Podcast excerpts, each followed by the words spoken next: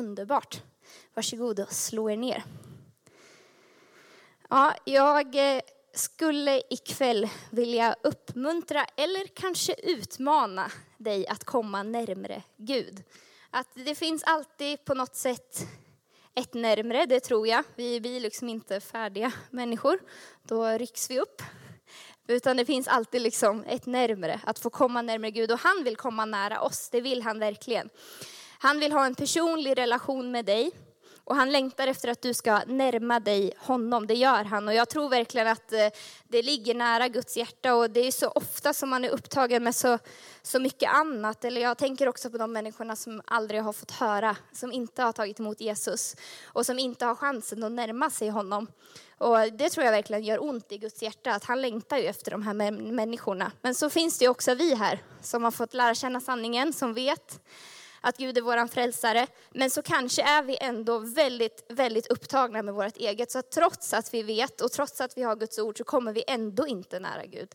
Utan vi springer ändå runt med det vi har. Och vi planerar liksom ändå upp våra liv ute, ute efter oss själva och vad som känns bra och bekvämt. Och det tror jag också gör Gud ledsen. För han säger, jag är ju här, jag vill ju att du ska komma nära mig, jag har ju en plan, jag har en tanke för ditt liv. Jag har någonting för dig, jag vill få fylla dig med min kärlek och jag vill få fylla dig med min kraft. Och jag vill också få visa dig den vägen jag har för dig, men du, du måste komma nära. Eh, så det vill jag verkligen utmana er ikväll med och mig själv. Eh, vi ska slå upp eh, Jakob, Jakobsbrevet. Jag har inte lagt några fusklappar så vi får se hur det går.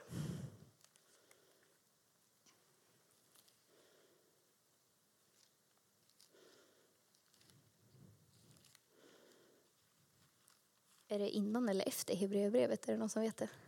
Efter? Ja, tack. Jo, där har vi det. Jakobsbrevet 4. 4 och 8.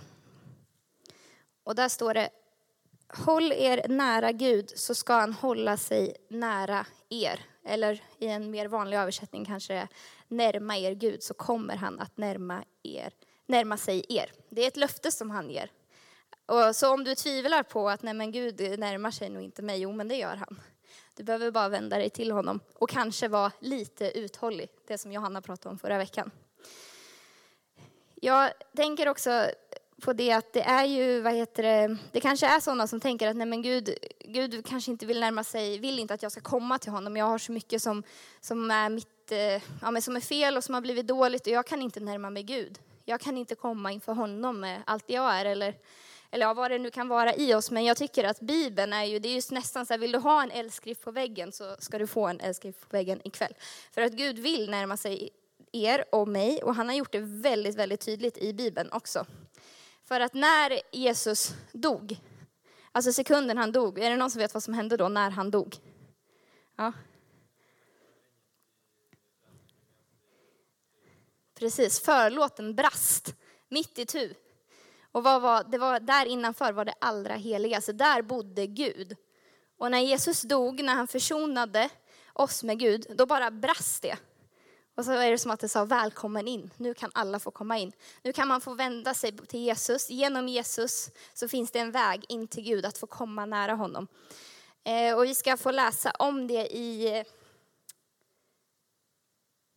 Hade jag inte skrivit upp det? Nej. Jo, Hebreerbrevet.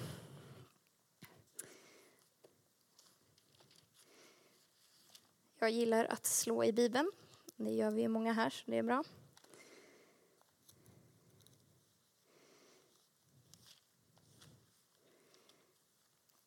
Hebreerbrevet 10.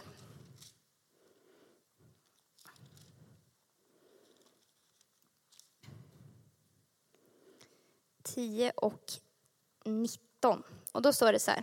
Tack vare Jesu blod kan vi nu syskon frimodigt gå in i helgedomen på den nya levande väg som öppnas för oss genom förhänget hans kropp. Det är ju väldigt tydligt att det finns en väg nu att få komma nära Gud, att få komma inför Gud. Men ändå så kan det ju vara så att vi är, vi är väldigt upptagna med massa annat. Hur mycket tid får egentligen Gud med oss i vardagen på riktigt? Jag, jag har blivit väldigt utmanad några gånger när jag går in och tittar på min skärmtid. Hur mycket sitter jag framför min mobil i, per dag? Och sen jämför jag det med hur mycket jag läser Guds ord och är inför honom. Och då känner jag så här, det här borde ju inte stämma. Ska jag sitta två, tre, fyra timmar framför Instagram eller framför Youtube och sen så kanske Gud får tio minuter? Det tror jag inte är det Gud, och det här utmanar mig jättemycket också när jag tittar på det här, så det är inte liksom att jag eh, är perfekt på det här området, utan det har varit en, en resa verkligen att, att liksom, vad är egentligen högst prioritet i mitt hjärta? Jag kanske säger att det är Gud, men så, så tittar jag på mitt liv och bara, men hur, hur är det ställt egentligen i min vardag? Hur ser det ut? Hur mycket närmar jag mig Gud hemma? Hur mycket söker jag honom och bara stänger av det andra och bara nu ska jag komma inför dig Gud? Och hur mycket tittar jag på film? Hur mycket tränar jag? Det var ju också en sån där grej som, som Gud tog mig på en gång. Jag gillar ju att träna. Jag gymmar ju en hel del. Och sen så var jag också i en period då jag behövde rehabträna och det krävde att jag var på gymmet varenda dag för att jag behövde göra de här övningarna med en maskin. Men självaste det tog ju 20 minuter, men då var jag så ja men jag kan ändå passa på när jag ändå är här. Så jag var ju på gymmet kanske i en, två timmar varje dag. Och sen så tog jag ju bussen dit och så bussen hem och så jobbade jag heltid. Och sen när jag kom hem då så var ju klockan kanske sju, åtta. Och då var jag ju också ganska trött och satte på något avsnitt och tog det lite lugnt och ja, tack Gud för den här dagen. Och så, och så var det typ det. Och sen vet jag att jag satt på bussen hem en, en, eh, en eh, eftermiddag och bara så här, Gud, varför, varför är det så tungt? Varför, varför, är jag så trött? Jag är ju på gymmet varje dag, det, borde, det är ju bra, det är en bra grej att komma och träna. Varför, varför känner jag mig så sliten? Och då flöt det här bibelordet upp som jag inte kan ordagrant, men att eh, kroppslig träning är bra, men att liksom komma inför Gud, det är ännu bättre. Och då var jag så här, ja, det här har ju blivit helt fel. Jag kan ju inte bara vara iväg hela, hela dagen och sen får jag ingen tid att få komma inför dig. Och då fick jag vända om där och korta ner mina... Jag behövde ändå vara där varje dag, men det fick bli de där 20 minuterna och sen kunde jag åka hem. Och så kunde jag få vara inför Gud istället. Eh, så man kan ju, det är bara en sån där liten grej som jag vill skicka med er att fundera över. Och kanske det finns ett nytt steg som Gud vill få ta dig in när det kommer till bönen och lovsången hemma. Um, ja, jag ska bara se. Jag är första gången som jag har på datorn, inte på papper, så det är så jättesmå bokstäver. Det är inte jättesmart. Ja, jag längtar i alla fall att få komma nära Gud och jag längtar att få göra det hemma i min vardag, inte bara i kyrkan. Men det är även liksom ett beslut i mitt liv och det betyder att mina känslor kommer ju inte alltid haka på på det här beslutet. Det är inte alltid när jag känner för att liksom söka Gud hemma när jag kommer hem. Men jag har valt det. Så därför så gör jag det ändå och så säger jag så här, nu får mina känslor haka på här för nu ska jag gå inför dig Gud.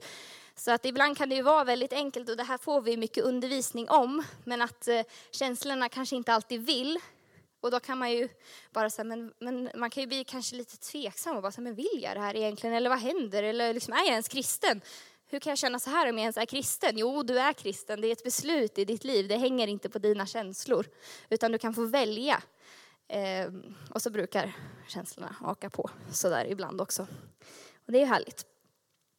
Eh, och jag känner att det är ju liksom ett måste för mig. Jag måste få vara nära honom. Jag måste få komma inför hans närvaro för att jag ens ska ha förutsättningarna att kunna leva det liv som Gud har tänkt för mig.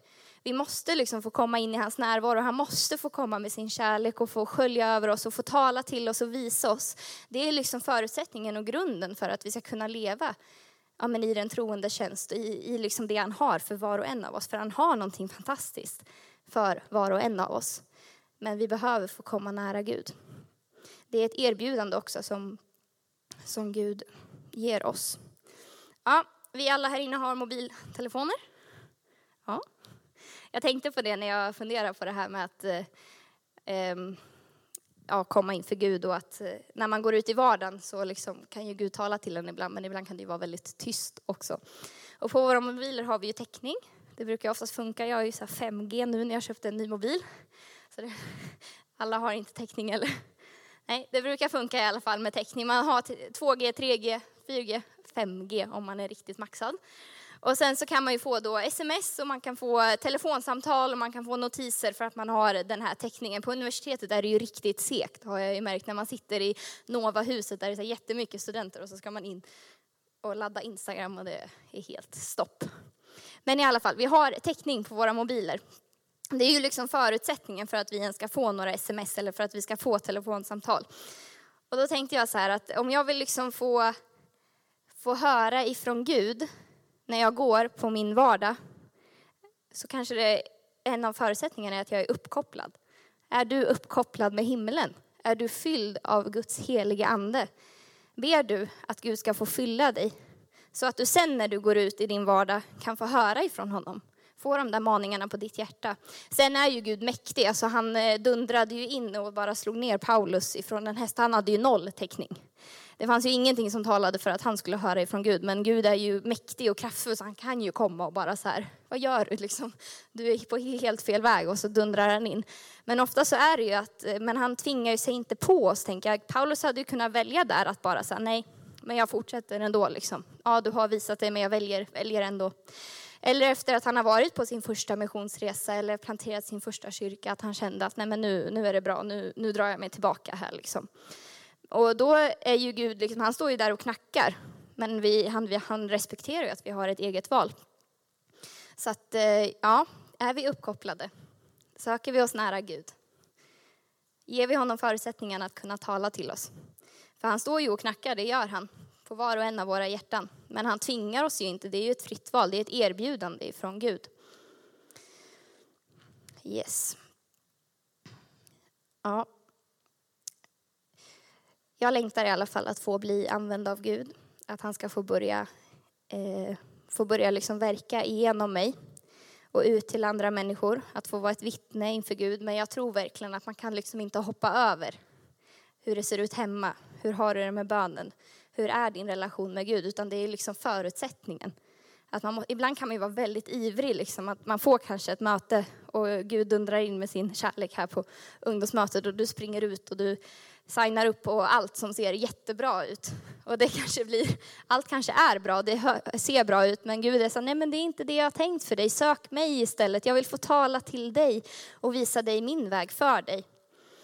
Ehm, men vi ska, vad heter det, börja, vi ska titta lite på en person i Bibeln som eh, fick ett möte med Gud. Och det är Mose. Eh, och då har jag inte skrivit, men det är ju andra, andra Moseboken två eller tre. Jag ska kika.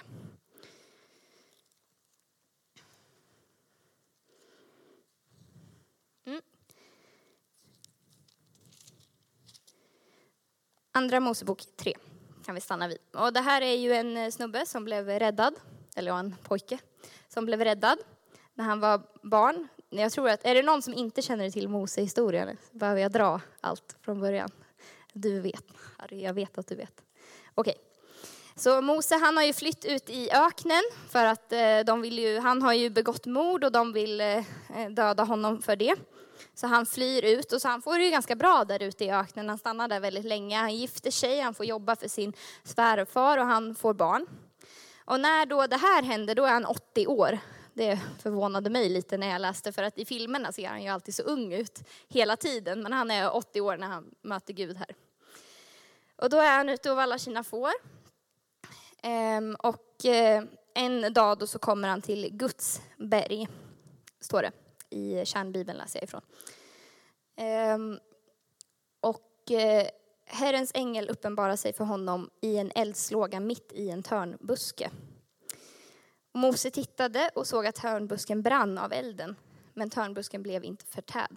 Så Mose tänkte, jag går dit för att se denna märkliga syn. Varför brinner inte törnbusken upp? Och här är det ju då ett aktivt steg av Mose att närma sig Gud, att komma nära. När man ser någonting som brinner kanske man tänker att jag backar undan, jag Flytta mina stackars får härifrån och vi går någon annanstans, det brinner. Men Mose ser ju att det är någonting speciellt med den där elden och så närmar han sig. Och då, när Herren såg att han gick för att se efter ropade Gud till honom i törnbusken, Mose, Mose. Han svarade, här är jag. Ta av dig sandalerna, för den plats du står på är helig. Jag är din fars Gud, Abrahams Gud, Isaks Gud och Jakobs Gud. Då dolde Mose sitt ansikte, för han var rädd för att se på Gud. Och Herren sa, och det är då han berättar om hur han har sett hur hans folk har plågats och hur han vill rädda dem.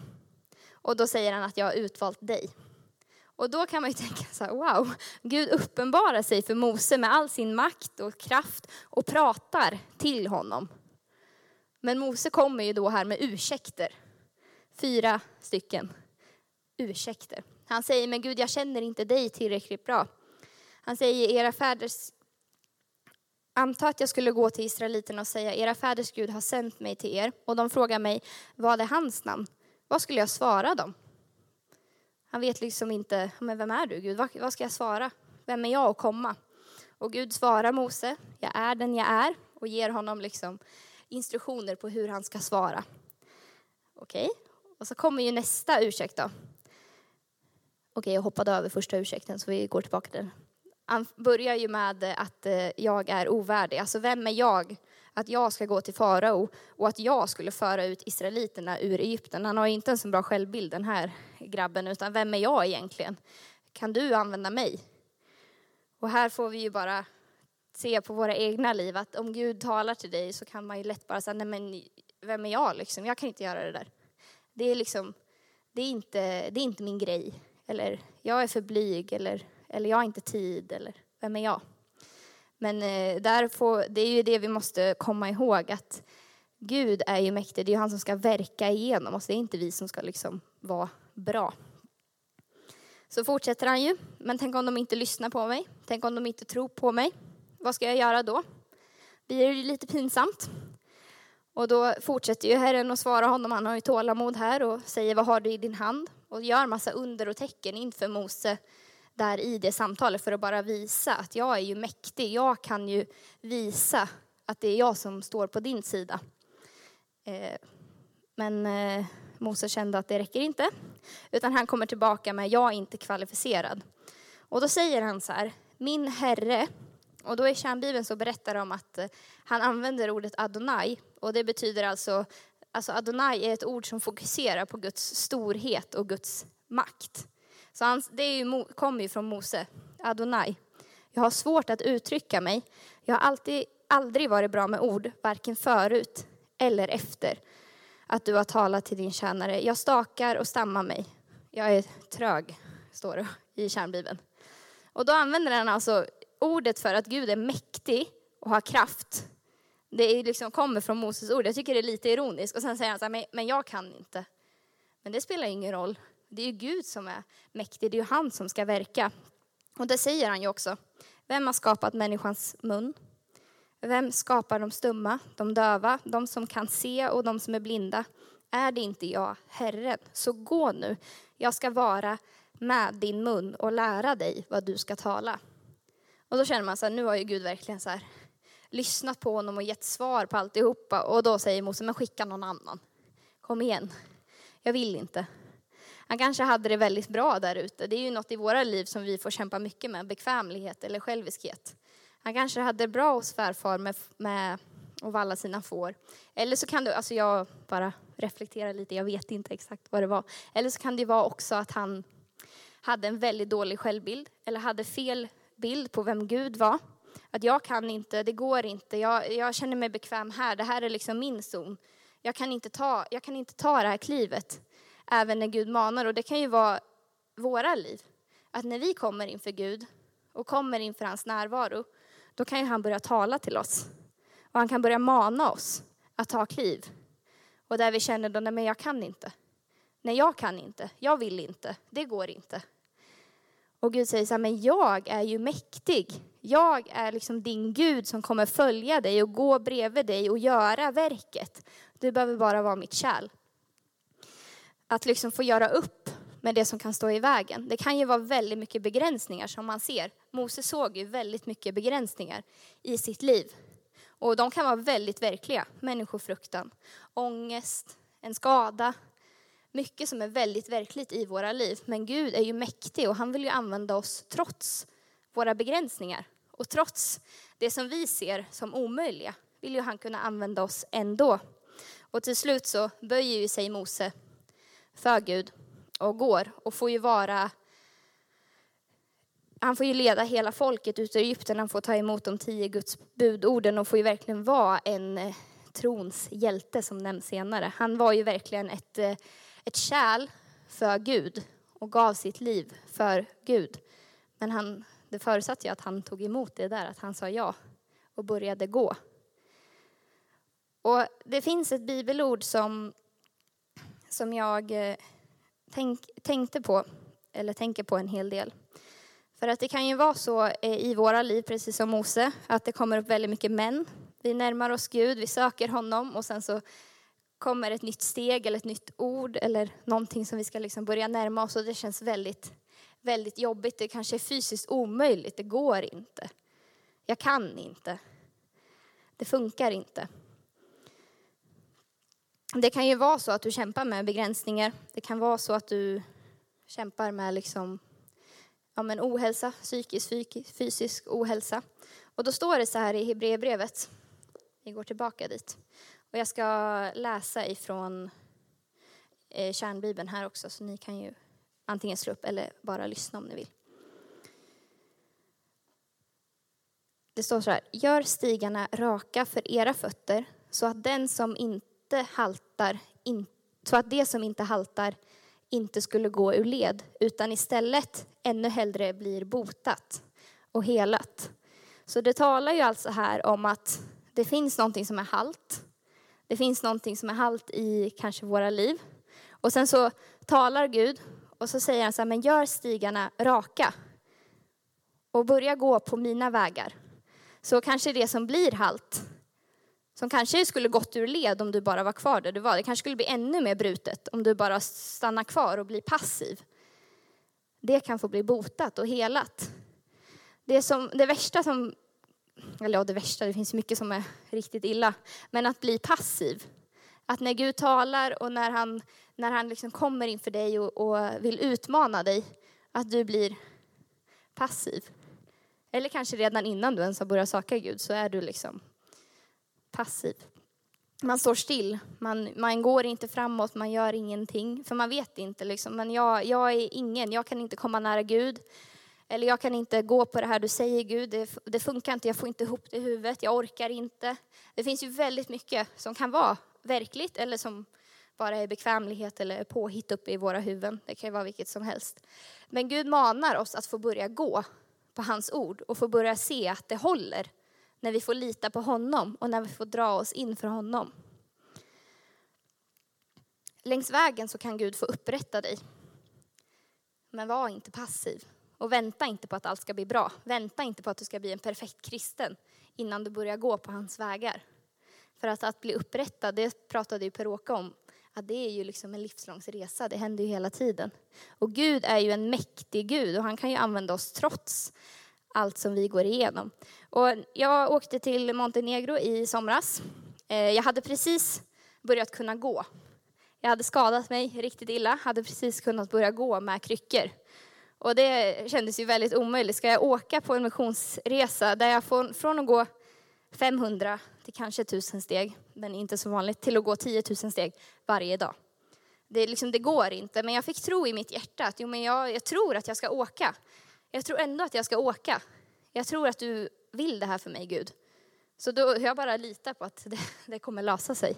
Och det gjorde det. Jag gick ju 10 000 steg varje dag och hade liksom ingen smärtökning, kunde börja gå utan kryckor där nere på resan. Eh, och Gud verkligen kom med sin styrka. Så jag vill uppmuntra dig att se inte liksom allt som känns omöjligt, utan lyft blicken och se på Gud.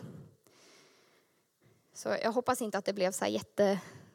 Eh, det kanske blev två olika spår, men att få komma nära Gud, att få vara i hans närvaro och då när han kallar dig eller utmanar dig eller talar till dig, att då inte se allt som begränsar dig och inte komma med massa ursäkter. Men gör du det så svarar ju Gud ändå, för han är ju god och har ju tålamod med oss. Han hade ju tålamod med Mose. Men att liksom böja sig och bara, men du är ju mäktig, jag är ditt kärl, jag är din tjänare, du får använda mig, men det är du som gör verket. Och att få den gudsbilden, att inte få att Gud kräver en massa saker av oss, att vi ska vara duktiga och prestera och prata med den där människan och göra det riktigt bra nu. Utan han säger ju, gå fram och prata med den där människan så kommer jag att leda dig. Och jag kommer lägga orden i din mun. Och det är ju han som frälser och det är han som upprättar. Och vi har ju bara förmånen att få vara hans händer och fötter. Och det är ju fantastiskt. Och kanske så är det så att, att, du, att det blir väldigt mycket press. Eller att det blir väldigt krampaktigt och jobbigt. Men då vill jag bara uppmuntra dig att komma inför Gud istället och låt honom få skölja igenom med sin kärlek och med sin styrka. Så att det är hans kärlek som får börja driva dig istället för all den här krampen som kan få liksom driva oss. För det är väldigt enkelt att allt ska bli bra och perfekt, speciellt om man har varit uppvuxen i en kristen familj och det finns vissa liksom ordningar och liksom så här ska det gå till och vi ska frälsa människor och vi ska vara glada och allt ska se bra ut. Men det är ju inte att vara kristen, det är inte äkta, det blir inte på riktigt. Utan vi ska ju få komma nära Gud och få lära känna honom och det är ju hans kärlek som ska få fylla oss. Och när vi blir märkta och brända av hans kärlek, då vill vi ju inget annat än att få börja söka hans vägar. Och då kan det ju börja utmana och det kan ju börja bli obekvämt. Men det är ju hans kärlek som ska få driva oss och det är ju han som ska få verka igenom oss. Eh, så vi ska få fortsätta sjunga lovsång alldeles strax. Eh, och vara inför honom med, med de här bibelorden. Att eh, närma er Gud. Att göra stigarna raka för våra fötter så att det som haltar inte går ur led utan istället blir botat. Att bara se, se över en liten stund. Låt Gud få tala till dig nu och låt liksom den helige Ande få komma. Så att, eh, och liksom vara öppen och även om det blir lite jobbigt och kanske lite obekvämt, för det kan det ju bli när man, när man håller saker fast och liksom det här är mitt och, och det här känns bra för mig. Jag är bekväm här, jag vill, liksom, jag vill inte vidare. Det har blivit bra, jag har saker under kontroll och det känns liksom okej. Okay. Men det, jag lyssnade på en podd här om veckan och då var det en tjej som sa att jag har börjat älska att vara obekväm. För att när jag är obekväm då växer jag. Att när Gud liksom och det kan man ju, det är ju inte liksom taget ur Bibeln så det får ni pröva i era hjärtan. Men när vi kliver ut så kan det ju kännas väldigt skakigt men det är ju då också Gud får ta över och vi får bara vara hans kärl och säga här är jag Gud, använd mig. Så vi går inför honom. Vi kan ställa oss upp.